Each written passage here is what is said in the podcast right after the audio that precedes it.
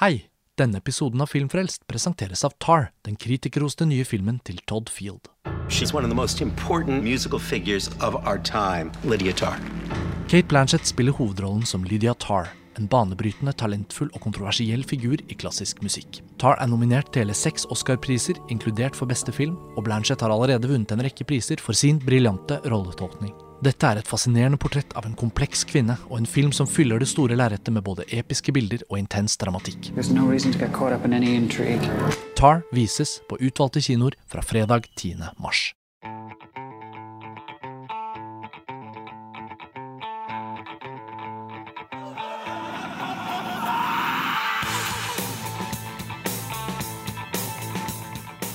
Hei og velkommen til en ny episode av Filmfrelst, podkasten fra filmtidsskriftet montasj.no. Mitt navn er Karsten Meinick, og jeg sitter her i kveld sammen med Lars Ole Kristiansen. Hei, Lars Ole. Hei, Karsten. I dag skal vi snakke om den amerikanske independent-regissøren Lizzie Borden og hennes to filmer fra 1980-tallet, Born in Flames og Working Girls. Lizzie Borden er aktuell nå i starten av mars pga. at cinematekene rundt omkring i Norge skal vise Born in Flames i den nyrestaurerte utgaven. Born in Flames har vært en film som lenge har eksistert eh, litt sånn på folkemunne, eh, men etter en restaurering fra Anthology Film Archive i New York ble det eh, laget en ny 35 mm-kopi, og sakte, men sikkert så ble samtalen rundt Born in Flames vekket til liv igjen, da. Og hvis man leter i feministisk filmteori, så finner man mange artikler og eksempler på betydningen av denne filmen, men for et nyere publikum så har den vært lite tilgjengelig. Den er også utgitt på Blu-ray i Amerika, så her har man en film som står overfor en litt sånn renessanse, da. Og Lars Ole, du og jeg har da sett begge disse to filmene. Working Girls er også nylig utgitt av Criterion Collection og strømmes fra Criterion Channel for de som er interessert. Så det føles som en glimrende anledning til å snakke litt om hvem Lizzie Borden er, og hva disse to filmene har betydd, og hva slags filmer det egentlig er, da.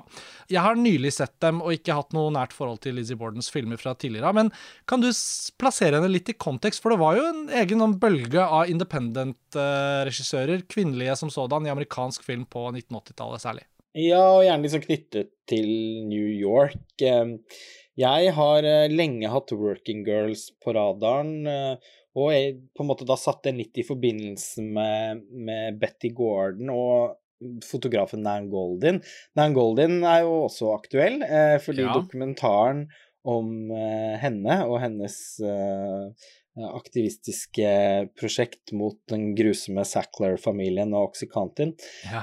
All the beauty and the bloodshed. går på kino vel Kanskje ikke så mange norske byer fortsatt, men den har i alle fall nylig vært uh, mulig å, å se på stort lerret i Norge. Ja, og vant jo Gulløven i Venezia i fjor. Yes, eh, og Nan Goldin har jo i sine fotografier ofte skildret eh, sexarbeidernes hverdag i, i New York på, på 80-tallet. Og, jeg er veldig fan av, eh, av henne sånn utenom den dokumentarfilmen, som jeg også da satt eh, veldig stor pris på. Mm. Og etter å, som sagt, eh, eh, være godt kjent med Nan Goldins eh, kunstnerskap og filmografien, deler av filmografien til Betty Gordon, så har jeg lenge skjønt at Working Girls er en film jeg er nødt til å se, fordi den har vært så, så viktig hva gjelder å portrettere sexarbeideres hverdag på en verdig eh, måte. Mm. Eh, og i tillegg så er den eh, en, er, har den vært kjent for da å være en litt sånn tidskapsel. Eh, selv om i og for seg alle scenene i filmen eh, foregår eh, innendørs, så kan man likevel merke en veldig sånn tydelig tilstedeværelse av New York i denne perioden der byen kanskje var på sitt aller mest fascinerende, på sitt skumleste. Og her er det jo plutselig veldig mange filmer som man eh, får assosiasjoner til, da, altså Susan Seidelmans uh, Smithereens, uh, for eksempel, Mm. Permanent Vacation av Jim Jarmusch, mange av de tidlige filmene til Abel Ferrara. Mm. Denne er da i og for seg fra tidlig 90-tallet, men Paris is Burning av Jenny Livingston, en, et mesterverk som absolutt alle som lytter til denne podkasten er nødt til å eh, til å se. Hyppig referert til eh, på eh, det konkurransedrevne realityshowet RuPaul's Drag Race, eh, som ligger på Netflix, og som etter hvert har fått en veldig stor eh, fanskare også i, i Norge. Også og tidlig Spike Lee-filmer som She's Got a Habit, f.eks., og selvfølgelig også Mean Street og trommevirvel, eh, Taxi Driver til Scorsese. Så ja, i, i det hele tatt så kan man snakke om en periode i amerikansk indiefilm der eh, et litt sånn mørkt New York og eh, alternative måter å leve på eh, står i fokus. og som Og, og jeg, er, jeg, bare kjenner en sånn kjempetiltrekning mot uh, alle filmene som ble laget i disse miljøene i den perioden. Da. Ja, og jeg er helt enig med deg, Lars Ola. Jeg føler også at det vi nå sammenfatter, er på en måte noe som starter kanskje litt med filmene til Scorsese, og vi tenker på Paul Schrader også inn i dette, selvfølgelig. Og, og så er det da disse særlig kvinnelige filmskaperne. Da. Du nevnte Betty Gordon, eh, Susan Seidelman, og så har vi her Lizzie Borden. Og jeg føler at mange av disse små independent-filmene har egentlig ligget veldig sånn under radaren gjennom liksom 90-tallet, tidlig 2000-tallet. Det føles ut som at 2020-tallet er liksom tiden for en slags sånn kollektiv gjenoppdagelse av hva de fortellingene handlet om, og betydningen av at de ble laget på den tiden. Og det handler jo litt om at vår tid har klart å, å rette et større fokus på kvinnelige filmskapere som kanskje ikke fikk så mange muligheter ut ifra de første filmene de lagde. da. Eh, Lizzie Borden, for eksempel, som vi nå snakker om, hun må vi også trekke noen biografiske linjer om, føler jeg, fordi det er ganske interessant å se hvorfor hun på mange måter endte opp som et ganske ukjent navn før hun dukket opp igjen. da. Og, og det handlet litt om at etter disse to independent-filmene som vi nå skal snakke litt mer om, Born in Flames og Working Girls, så gjorde hun en kommersiell film i Hollywood i 1992, Love Crimes, som er, som er distribuert hvert fall av Miramax og Harvey Weinstein. Så i hennes biografi så er det da fordi den eh, ble en, ikke en suksess på kino, og hun ble utsatt for hans forferdelige manipulative personlighet. Og, og det, det, står ikke noe om noen overgrep, da, men filmen hennes ble i hvert fall utrettet overgrep mot, for den ble klippet i stykker, og hun vedkjenner seg ikke den.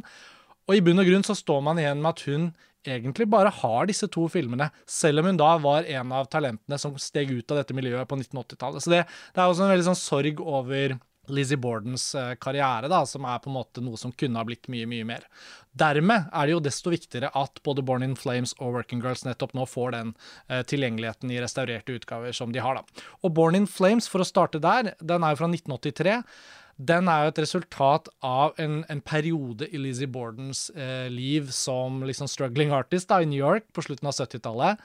Hun jobber som klipper og har vært kunstkritiker i Artforum og egentlig vært en del av mye av dette miljøet som vi nå har satt litt ord på. da, Fått masse kontakter og venner i kunst- og filmmiljøet. Og så, etter å ha sett eh, Jean-Luc Godard-filmer på et retrospektiv, i hvert fall sånn går eh, henvisningene i de artiklene jeg har funnet, så fikk hun veldig lyst til å eksperimentere med film og prøve å lage film selv. Og da jobbet hun ved siden av som klipper, så hun fikk liksom lønn som klipper på ulike typer prosjekter, og samlet seg opp både erfaring og litt penger for å gjøre sin første film. Da. Og Born in Flames er da resultatet av dette. Og det er jo ikke en film som er veldig sånn lett å se. Eh, vi kan jo starte der, Lars Ole. Den, den eh, er sagt å ha kostet ca. 30 000 dollar å lage. Hun filmet og klippet og filmet og klippet og på en måte skrev og utviklet egentlig innholdet i filmen underveis. Den ble ferdig i 1983, så dette er jo et, et sånt type hjerteprosjekt som inkluderer venner, kjente, kontakter. Hun filmer litt i helger, på fritid. Men det gir også noe av estetikken i filmen. da, og Jeg skal bare kort si hva den handler om. så, så Jeg vil sette scenen for lytterne. 'Born in Flames' det er på en måte en slags fantasi da, om et New York eller et Amerika i en nær fremtid hvor en sosialistisk eh, regjering har tatt over Amerika. Og så kan man si fantasi og nær fremtid. Det er ingenting ved filmen sånn uttrykksmessig som, som henspiller til noe sånn science fiction eller fremtidsaktig, men det er på en måte en fantasi i form av at det vi ser i filmen, er at kvinner har en veldig sterk posisjon. Vi ser dem i media, vi ser dem som revolusjonære, vi ser dem frigjorte både seksuelt og politisk. Vi ser en, en liksom et helt sånn eh, mosaikk av karakterer da, som på en måte utgjør en form for sånn revolusjon. Og dermed blir det på en måte en løsrevet kollasj, både av karakterer og av temaer, og en slags diskurs. Og formen er veldig sånn dokumentar aktig. Det er kjent at filmen er en fiksjon, men hvis man bare ser den uten å vite noen ting, så kan man jo absolutt føle at den har noe dokumentarisk ved seg, før man innser at det er jo et lite fiksjonsplott som, som surrer under overflaten her, da. Men alt i alt føler jeg at når man ser på Born in Flames med 2023-øyne, så fremstår den både som en ganske sånn moderne og idérik film, men også en film som på samme måten er veldig produkt av sin tid, da, som kommer ut av liksom politisert tid på 1970-tallet, og kanskje er laget rett før på en måte jappetida og Reagan-æraen er på vei til å ta helt over. da. Så den er veldig interessant og gøy å se, uh, syns jeg, i lys av å oppdage hennes to særlig viktige filmer da, fra 80-tallet.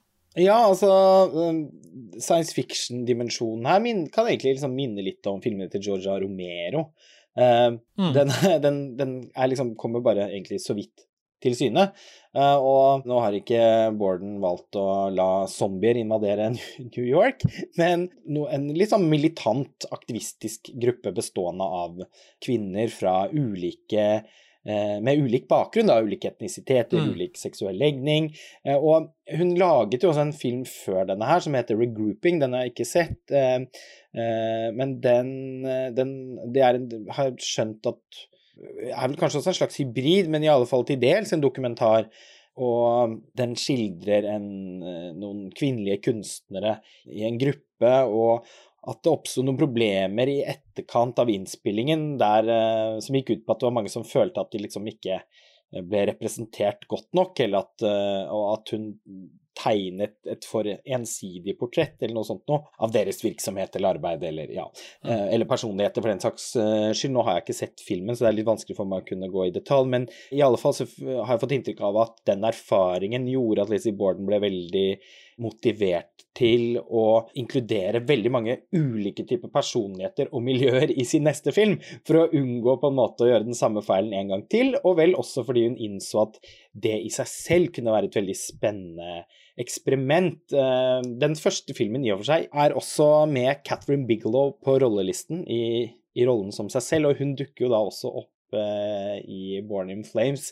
Jeg antar at de fleste av lytterne våre er kjent med hvem Catherine Bigelow er, men hun er jo da altså eh, historiens eh, første kvinnelige Oscar-vinner for beste regi, The Hurt Locker, og en av de fremste actionregissørene i moderne filmhistorie, med filmer ja. som Point Break og Blue Steel på TV-en. Vi er veldig fan av Bigelow. Ja, og det er jo et veldig sånn flott bånd gjennom filmhistorien at Catherine Bigelow, av alle ting, som veldig ung, er eh, faktisk en del av rollegalleriet i Born in Flames. Um, Lizzie Bordens karriere blir på en måte ødelagt og forsvinner litt, uh, mens Catherine Bigelows karriere stiger frem. Da. Det er ikke mange årene etter Born in Flames at hun gjør sine første filmer, og Blue Steel fra 91, er det vel?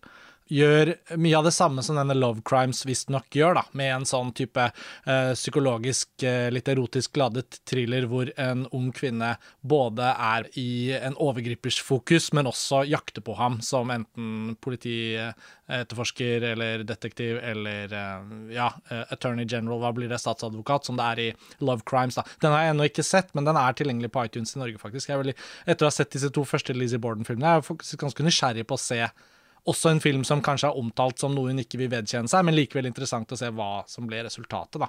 Så ja, det er noen bånd her, da. Og Bigelow er jo en bitte liten rollefigur i Born in Flames, men man kan nesten si at filmen heller ikke har egentlige rollefigurer.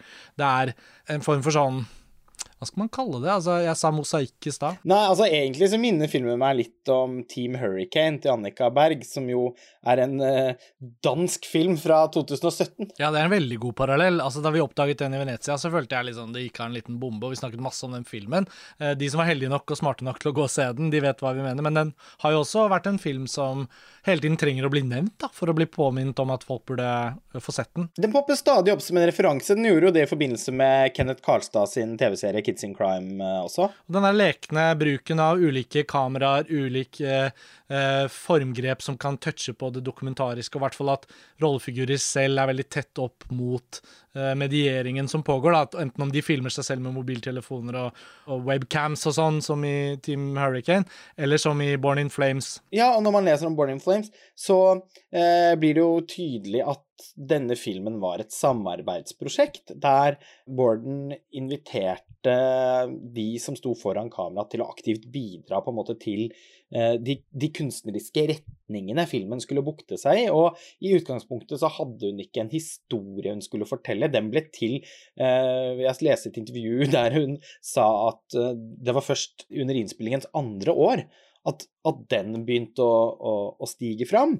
Mm. Og Team Hurricane nå har jo egentlig bare en sånn vag rammefortelling. Og mm. så valgte Annika Berg å utstyre alle skuespillerne som hun hadde castet uh, med utgangspunkt i Instagram. Alle var uh, spesielle personligheter og, i hennes øyne, veldig talentfulle kunstnere. Enten i form av at de lagde klær, eller måten de sminket seg på, eller ja, i det hele tatt. Og de fikk da hver sin smarttelefon og hvert sitt DV-kamera som de skulle filme og lage audiovisuell kunst med i løpet av innspillingen. Og så er jo det da anvendt i den ferdige filmen. Så in, veldig mye av, av materialet er, uh, er det jo da ikke regissøren egentlig som har instruert fram. Men det er fint det du sier om kollaborativ filmskaping og gruppetankegangen. og i Team Hurricane så vel som i Born in Flame så er det jo også hovedsakelig kvinnelige rollefigurer som utformer dette, uh, denne sammensetningen av dette rollegalleriet. Og det Lizzie Borden også utretter med denne ideen og formen, og egentlig da også metoden for hvordan den ble laget, er jo at hun får til å si noe om hvordan hva skal vi si, hermetegn, denne fantasien da, om dette samfunnet Eh, filmen utspiller seg i, hvor kvinner ikke står i veien for andre, men tvert imot virkelig løfter hverandre frem og er i stand til å forårsake en hel revolusjon da, gjennom samarbeid. Og Det er veldig sånn løselig anlagt hvordan rollefigurene støter på hverandre, hvordan de hjelper hverandre eller inspirerer hverandre. For det blir jo et plott her etter hvert, da. kanskje særlig knyttet til hun rollefiguren som vel heter Adelaide Norris, som vi følger langt på vei i filmen, også inn mot en radikalisering der hun reiser til Vest-Sahara for å møte en opprørsgruppe gruppe som hun skal kjøpe våpen av.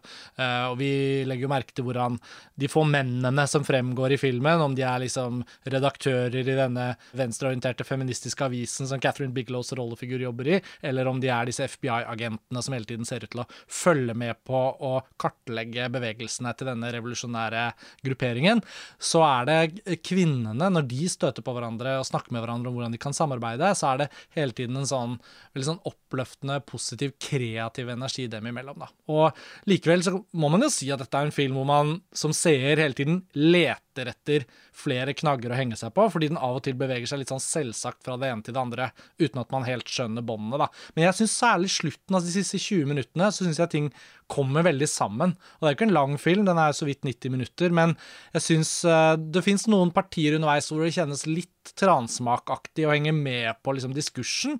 Mens mot slutten, når man ser at frontene spisses til, vi får et dødsfall, vi får en konspirasjon, vi får terroraksjoner, da, da begynner det å svinge litt mer av hva helhetsprosjektet er her, da. Ja, og det er en avslutning her som er uh, uforglemmelig. Den vil jeg ikke spoile, men det var uh, Da gikk det litt sånn kaldt nedover ryggen på meg. Enig, men det er også passasjer her uh, som er traurige på samme måten som Godard sine filmer under de Siga Vertov-årene. Ja, og det var vel det hun var inspirert av, for det må jo være den perioden. ja, og på en måte så er jo det er jo også en slags budskapsfilm, og politikken her er lettavleselig, for å si det forsiktig. Da. Og mm. den er en kritikk av sånn parad noen paradoksale trekk ved, ved, ved sosialisme, og uh, at uh, den ideologien åpenbart også er fundert på noen patriarkalske verdier, som her er satt veldig på, på spissen, da.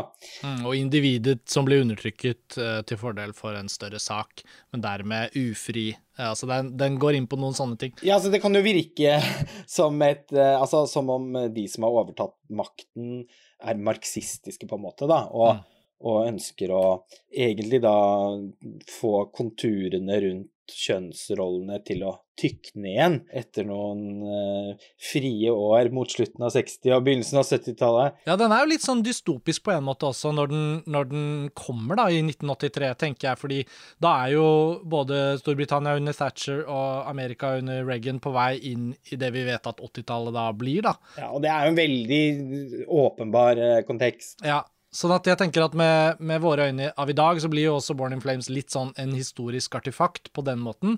Mens hvis vi følger Borden tre år videre over til Working Girls, da, så ser man jo også hvordan hun videreutvikler, kanskje med enda større hell, et blikk på kvinner i i på en måte sine yrker da, eller sine roller. da, og I Born in Flames så har man på en slags fantasi om hvordan det kunne være i en sånn tenkt revolusjon, da, hvor man har uh, ledende uh, unge, sterke kvinner i, ved radiomikrofonen i, i, redaksjonene, ute ikke sant, for å handle inn våpen. Liksom veldig sånn aktivt.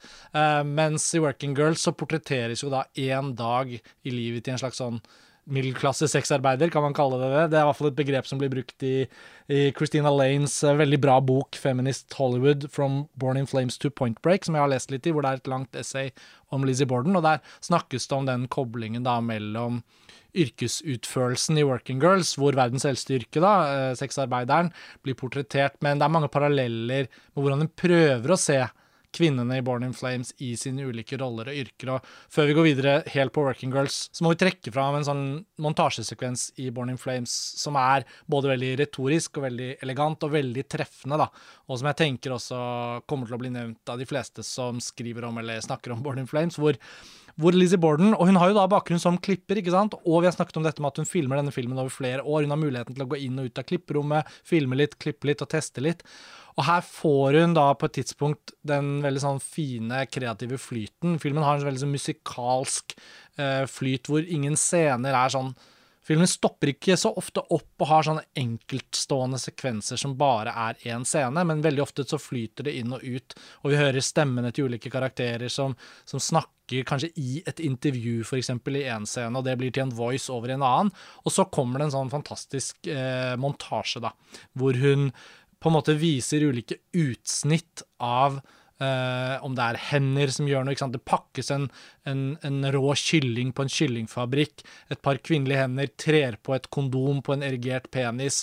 Det går videre til et par andre ting som er veldig sånn uh, hverdagslige og ordinære. Og man ser liksom hvordan hun ønsker å, uten å være veldig sånn eksplisitt eller kontroversiell, prøver å uh, normalisere og vise hvordan de ulike rollene kvinnen finner seg i. da er en del av et fellesskap, nesten, eller en slags sånn en, en, en gruppe av yrkesroller. Da. Og den montasjen sender også et slags estetisk signal videre over til Working Girls, da, som selvfølgelig er mye mer presis og mye mer kondensert og mye mer tydelig enn fiksjonsfilm, men som kanskje lykkes nesten enda bedre med det samme utgangspunktet da, som hun ønsker å, å portrettere på film. Nettopp kvinnen som en slags sånn frigjort arbeider i sitt yrke, på noe vis. Ja, det er, altså Working Girls er jo da Må jo helt klart være en av de eh, mest eh, troverdige skildringene av sexarbeideres liv som, som er festet på, på film. Mm. I alle fall fra denne perioden og fra dette miljøet. The Girlfriend Experience til Steven Soderberg må være den andre jeg kan komme på sånn med en gang, også fordi den var så innmari sånn transaksjonsbasert og likefrem i den skildringen. Ikke sant. Også den vel satt i New York, eh, mm. men eh, fra en helt annen tid. Og det er klart mm. at eh, det er jo store variasjoner med tanke på hvor man befinner seg i verden og hvilken epoke. Men fra New York og 80-tallet, og da som sagt en periode der også Nan Goldin aktivt dokumenterte sexarbeideres hverdag, så står denne filmen veldig ut, fordi den ikke ikke er fordømmende eller karikerende, og forsøker å eh, la tilskueren få innsikt i hvordan de som jobber på denne arbeidsplassen, mm.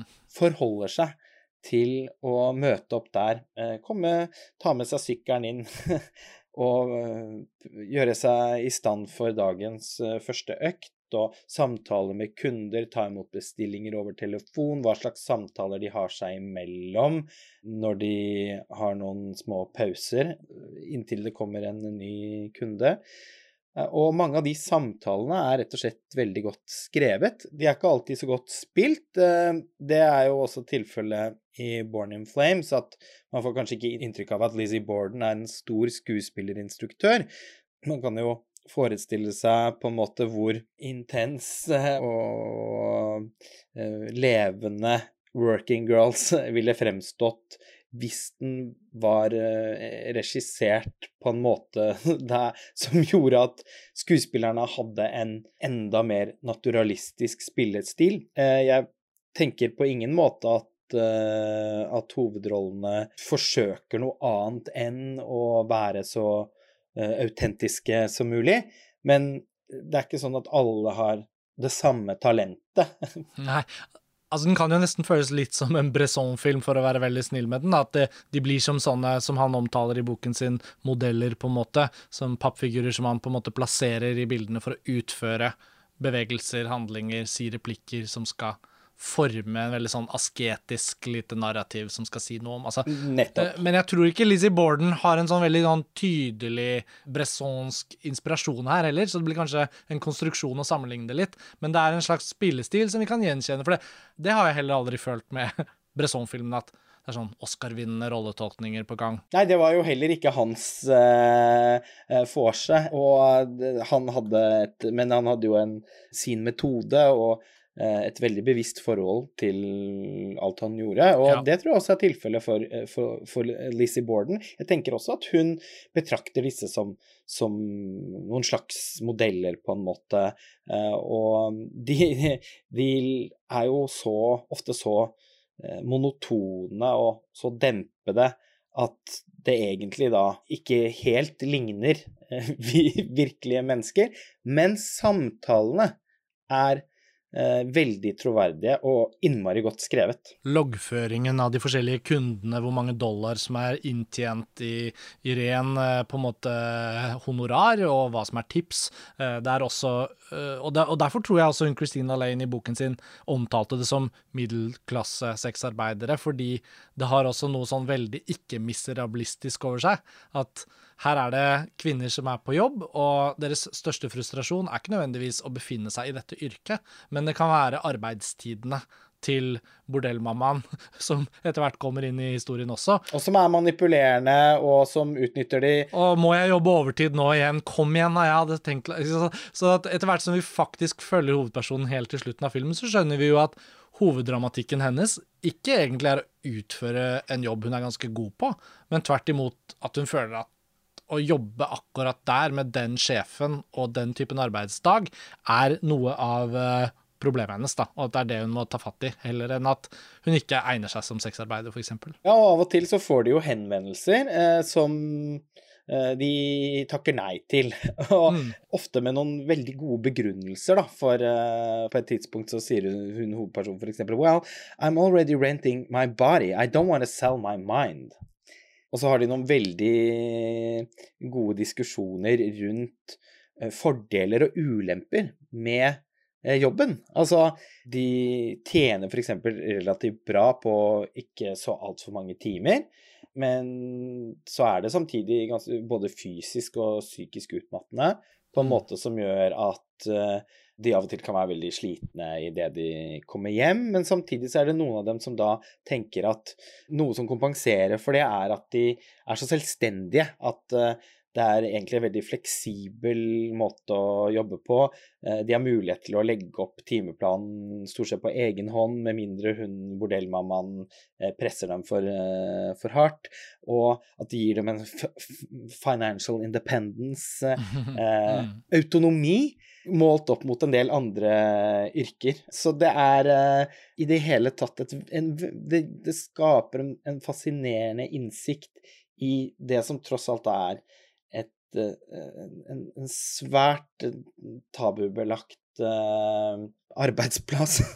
ja, og jeg tenker Lizzie Borden er jo også ganske modig fordi hun lager jo filmer som ikke nødvendigvis er de filmene som alle andre typer feminister ønsker seg. Eh, og hun snakker litt om det i et intervju hos Criterion Channel, da, som er der man kan se Working Girls, og det anbefaler jeg virkelig at folk gjør. Nå skal ikke Working Girls vises eh, på cinematekene i denne omgangen, men eh, Criterion Channel er jo en strømmetjeneste som man kan abonnere på fra Norge, så lenge man registrerer seg med en VPN uh, først. da. Uh, altså at man er på, på en, måte, en amerikansk IP-adresse når man etablerer abonnementet sitt. Og i ettertid så kan man da uh, bruke tjenesten også fra Norge. Så det er gøy å høre Borden da i det intervjuet hos Criterion snakke om hvordan hun møtte mye motstand fra det hun kalte da på en måte andre typer feminister som hadde andre saker som de var veldig pro eller imot. da. Ja, og dette her er jo fortsatt da en sak mange er uenige om. ikke sant? Legalisering av uh, sexarbeid uh, versus forbud. Og jeg føler jo heller ikke at uh, Borden på noen som helst måte romantiserer sexarbeid i, i den filmen her. Vi ser jo også at de blir utsatt for Eh, situasjoner som de opplever som ubehagelige, og som nesten kan ligne på overgrep. Vi ser at de har blåmerker på huden sin. Så det er også litt viktig å understreke. da, Det er ikke, et, eh, det er ikke en skjønnmaling her, men eh, jeg kan forestille meg det at, at enkelte likevel opplevde filmen som en kanskje provoserende, positiv fremstilling da den hadde premiere. Ja, og med det sagt så tror jeg kanskje vi må avslutte, da. Um, jeg vil anbefale folk å forsøke å finne det essayet om Lizzie Borden i den boka. 'Feminist Hollywood from Born in Flames to Point Break'. Veldig bra. Og så er det da visninger av Born in Flames spredt utover i mars på cinematekene rundt omkring i syv norske byer. Jeg kom på en eh, film fra denne fasen som jeg glemte å nevne i stad, og som jeg hadde en helt vidunderlig opplevelse med for noen år siden, nemlig Old Enough av Marissa Silver.